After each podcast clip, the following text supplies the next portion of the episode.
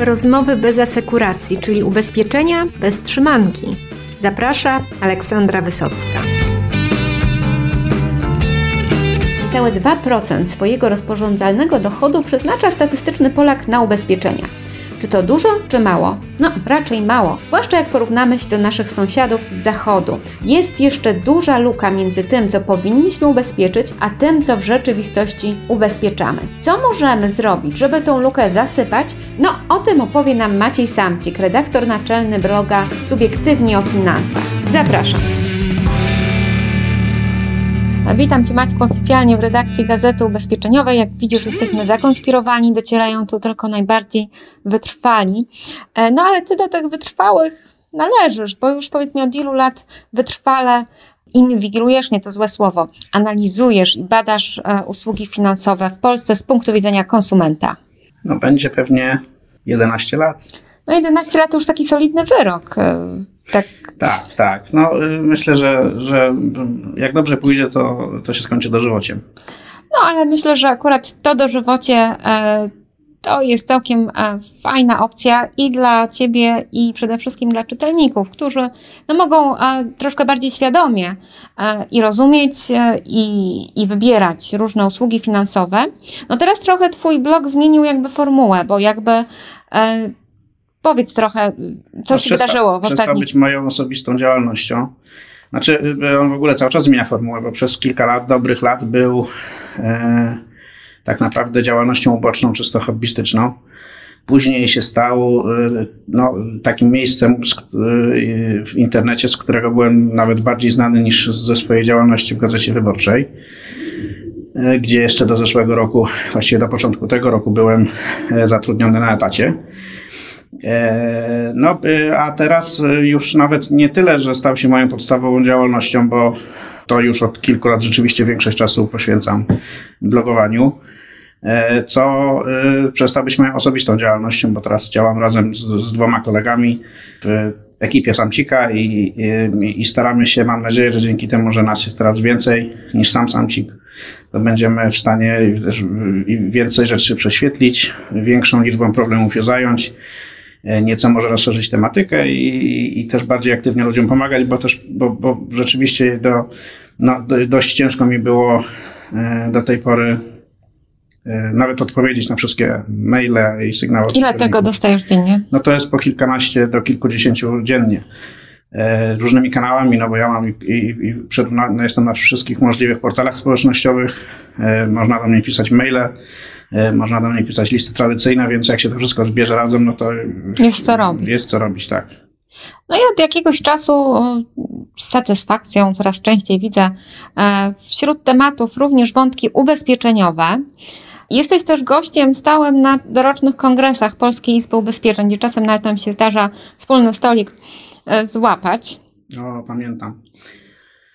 E, jedno z, z milszych wspomnień z tych kongresów, no, ten to, wspólny stolik. To zawsze jest e, okazja, gdzie oprócz oczywiście merytorycznych różnych doznań, tutaj pozdrawiamy Polską Izbę Ubezpieczeń, e, czapki z głów i w ogóle narobiliście się, no ale nie łudźmy się, że uczestnicy no bardzo cenią sobie tą część, gdzie można porozmawiać o rynku, spotkać różne osoby dawno niewidziane, z branży, no i wymienić takie odczucia, co się dzieje, porozmawiać o trendach. No i w tym roku Tematem przewodnim była wielka czarna dziura, czarna dziura, która e, jakby dzieli to, co powinno być według niektórych ubezpieczone, bo to też jest kwestia do dyskusji. Czy ta luka od tego, co jest ubezpieczone rzeczywiście, tylko powiedz mi, Maćku, czy ty nie uważasz, że może to ubezpieczyciele sobie kreują taką lukę i to jest po prostu ich taka lista życzeń, że chcielibyśmy wam wszystko ubezpieczyć, e, no i wy powinniście to wszystko ubezpieczać, a nie chcecie, kurcze blade klienci. No pewnie w jakimś sensie tak, natomiast y, wiadomo, że im większa będzie e, skala y, tego naszego ubezpieczenia, tym więcej ubezpieczyciele na nas zarobią, ale, ale też wydaje mi się, że e, Obiektywnie to jest tak, że coraz więcej ryzyk nas otacza, życie staje coraz bardziej nieprzewidywalne, pojawiają się nowe technologie, pojawiają się nowe przedmioty do ubezpieczania, e, pojawiają się nowe ryzyko, na przykład ryzyko terrorystyczne. Przecież e, no jeszcze kilka lat temu w zasadzie nikt nie myślał, żeby ubezpieczać się od terroryzmu, a teraz to już zaczyna być powoli no, dostrzegalna oferta standardowa ubezpieczycieli.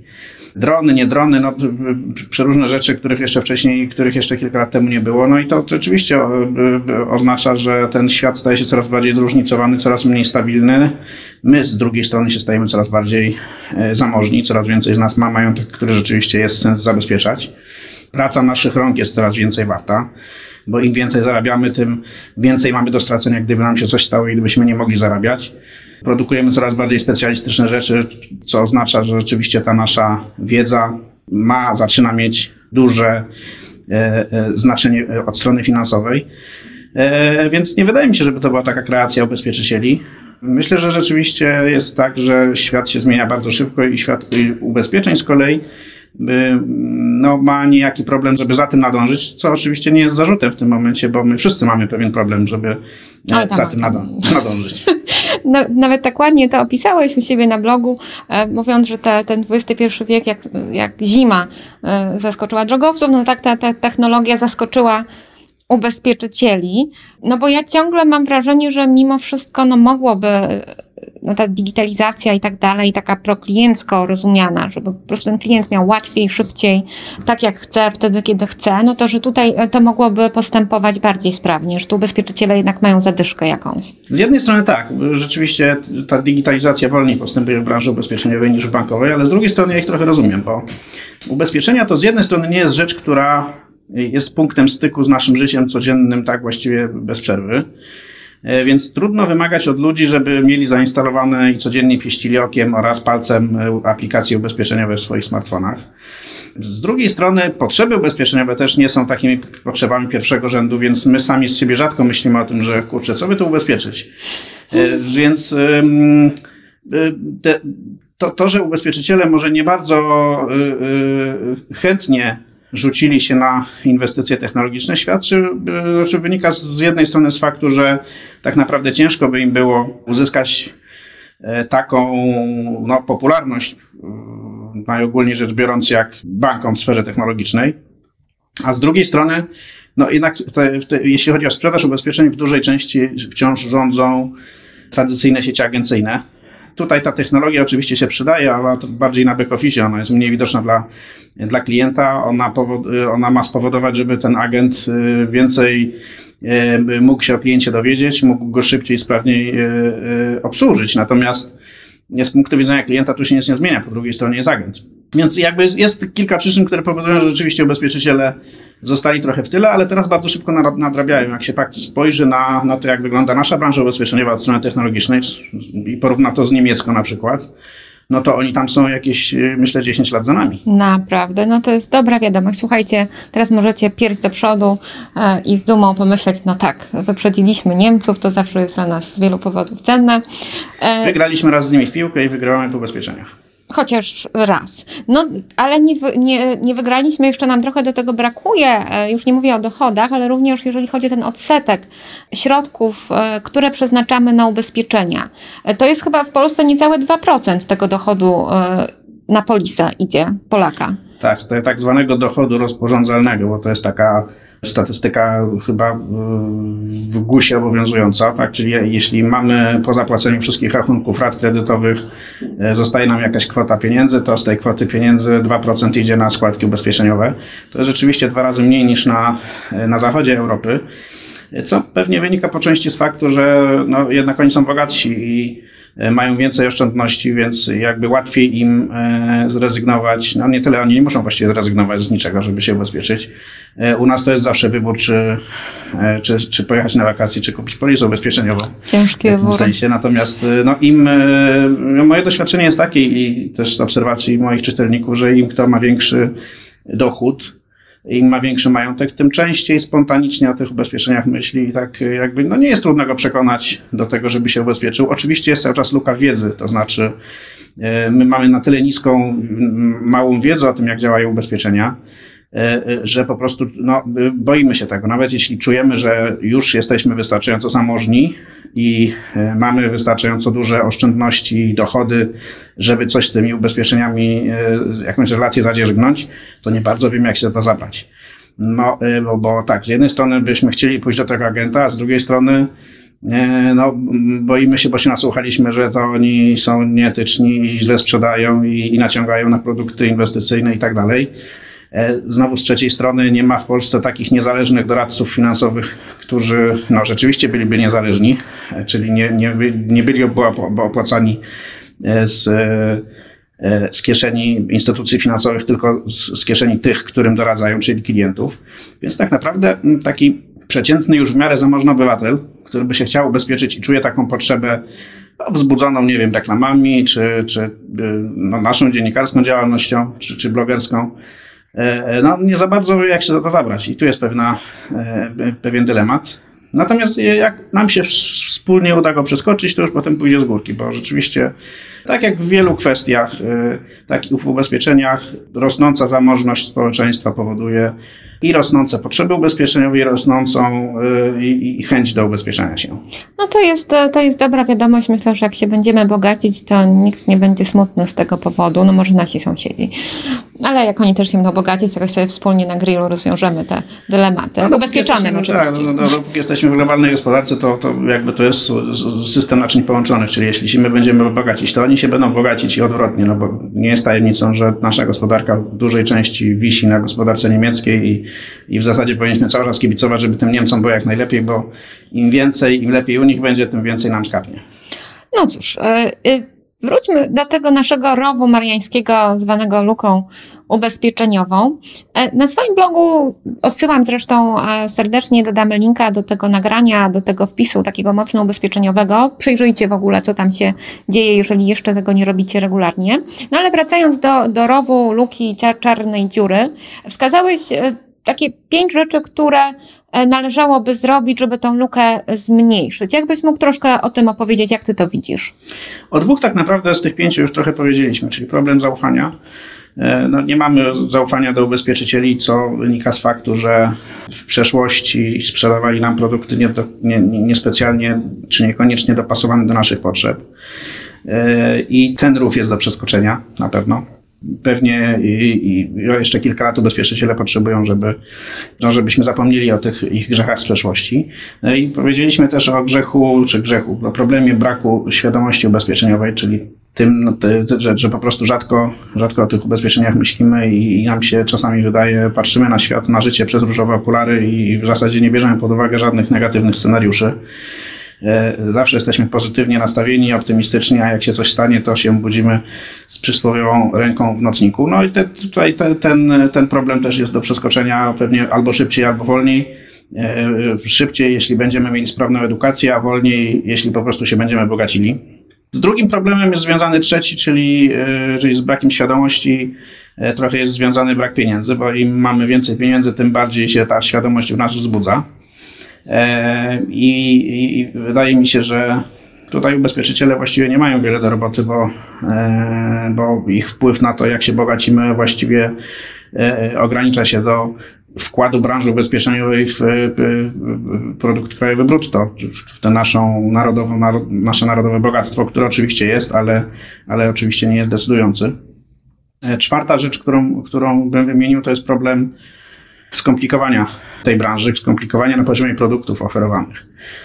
No, branża ubezpieczeniowa cały czas się uczy e, tego rozpakietowania usług. Przez ostatnich 20 lat tak naprawdę, z, no, jak już się udało tego klienta dopaść, co było zawsze drogie, trudne, trzeba było dużo płacić agentom, żeby do tego klienta dotarli. E, Więc jak już oni tego klienta do, do, dopadli, to, to chcieli mu zawsze zaoferować jak najbardziej kompleksową usługę, no bo nie wiadomo, kiedy będzie następna okazja.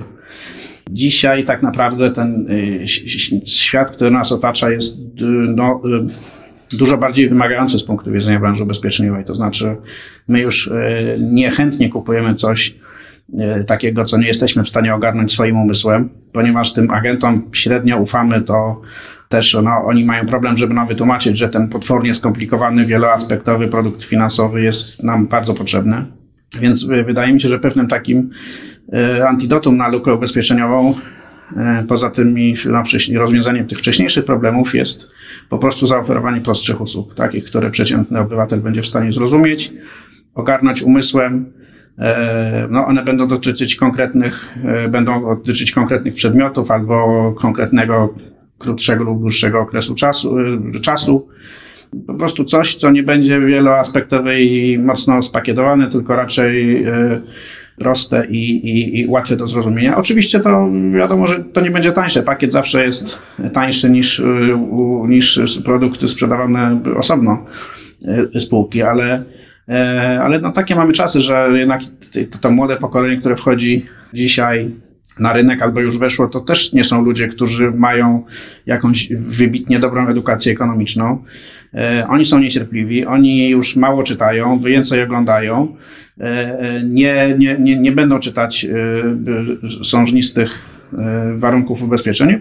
Jakby cały świat ich opiera się i, i, na, na prostych bodźcach i prostych impulsach. I albo branża ubezpieczeniowa spróbuje się do tego dostosować, albo no, straci wspólny język e, z tym e, młodym pokoleniem, które za 5 lat, za 7 będzie właściwie dominującą siłą na, na rynku konsumenckim w ogóle. E, No i jeszcze pewnie jeszcze piąty aspekt, o którym bym wspominał, to jest, o którym bym wspomniał w tym miejscu, to jest rozjazd tego, co potrzebujemy i rozjazd i tego, co dostajemy w ofercie. Wydaje mi się, że branża ubezpieczeniowa powinna w sposób bardziej, no nie chcę powiedzieć zorganizowany, systematyczny, troszeczkę popracować nad, e, nad tym, żeby lepiej odczytać potrzeby y, ludzi, bo no, po- podam przykład. Ja mam syna, który ma 14 lat i, i on jedną trzecią swojego życia spędza w internecie. E, Tak naprawdę ani bank, ani firma ubezpieczeniowa nie ma dla niego żadnego produktu, którym on by mógł w tym świecie wirtualnym się zainteresować. Jego potrzebą jest móc przesuwać pieniądze wirtualne czy prawdziwe między tymi różnymi. Twoje pieniądze, rozumiem. No, y, najczęściej to są niestety moje pieniądze, chociaż już też coś próbuję w tych grach tam internetowych y, y, zarabiać. E, Ale, ale generalnie potrzebuję sposobu, żeby to przesuwać, żeby tym zarządzać y, i mało który tradycyjny bank ma, ma, ma dla niego ofertę. Ubezpieczenia, no pewnie też chętnie ubezpieczyłby tę swoją klawiaturę, słuchawki, to wszystko jest bardzo cenne, tak, konto w tej grze. E, Są takie, są już, już y, znam jedno czy dwa takie ubezpieczenia, które e, zajmują się światem wirtualnym, ale za chwilę te dzieciaki wejdą do wirtualnej rzeczywistości na całego i tam w tych grach komputerowych będzie się odbywało równoległe życie. Ja się sam boję, co to wtedy będzie.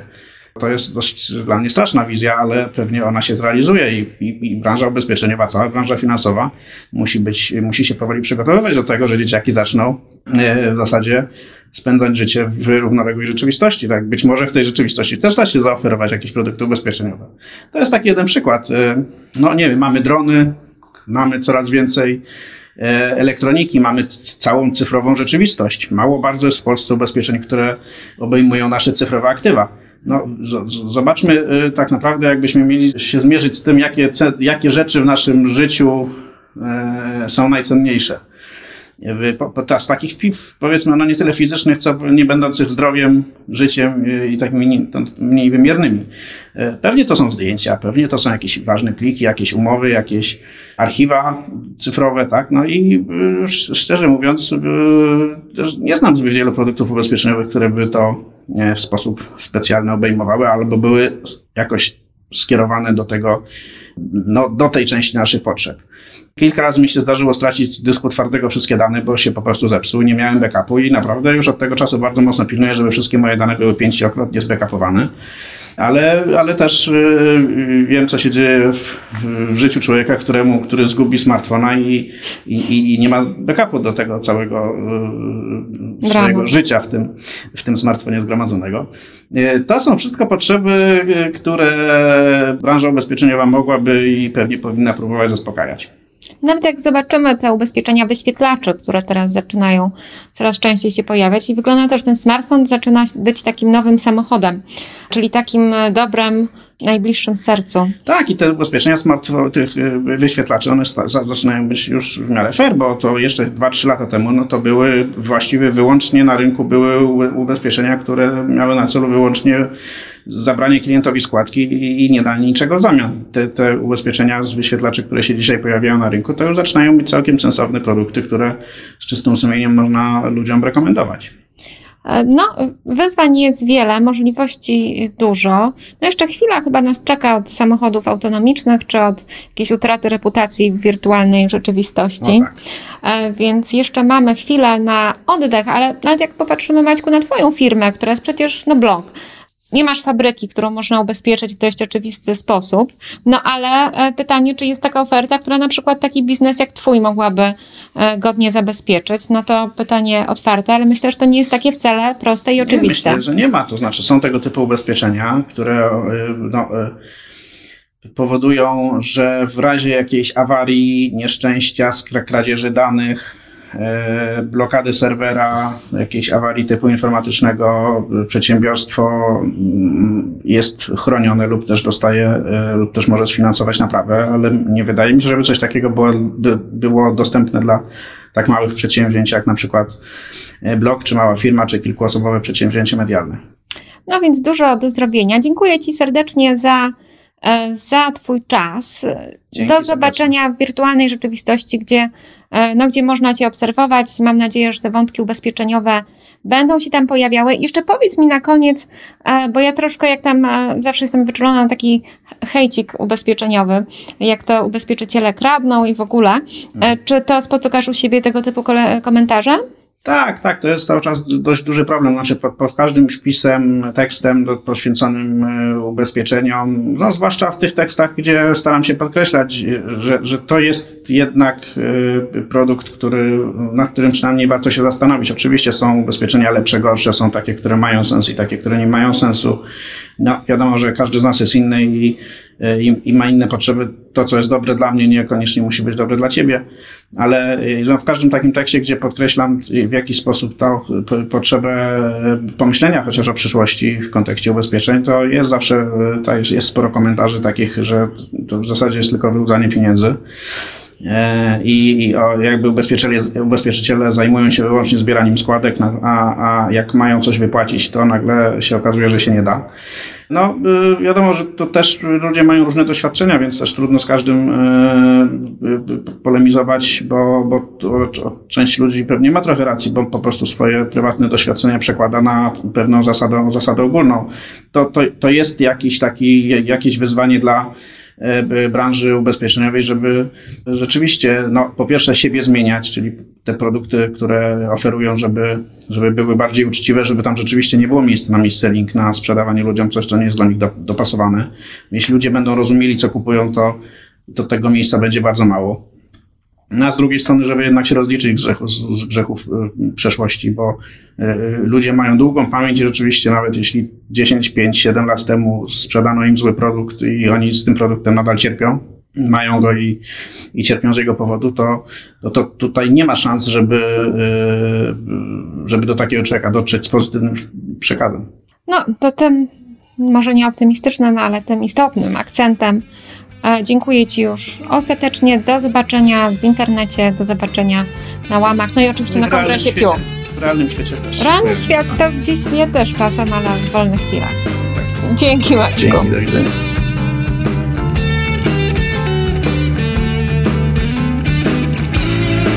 Co można zrobić, żeby ubezpieczenia zajęły więcej miejsca w budżetach Polaków? Muszą być prostsze, bardziej zrozumiałe, bardziej przydatne, no i jeszcze lepiej dopasowane do stylu życia. A ten przecież się zmienia cały czas. Ubezpieczycielom trudno za tym nadążyć. Czy dadzą radę? Przekonamy się. A tymczasem dziękuję Wam za wspólnie spędzony czas. Do zobaczenia za tydzień. A jeśli uznaliście ten podcast za przydatny, podzielcie się nim, polubcie. To jest bardzo pomocne. Do usłyszenia raz jeszcze.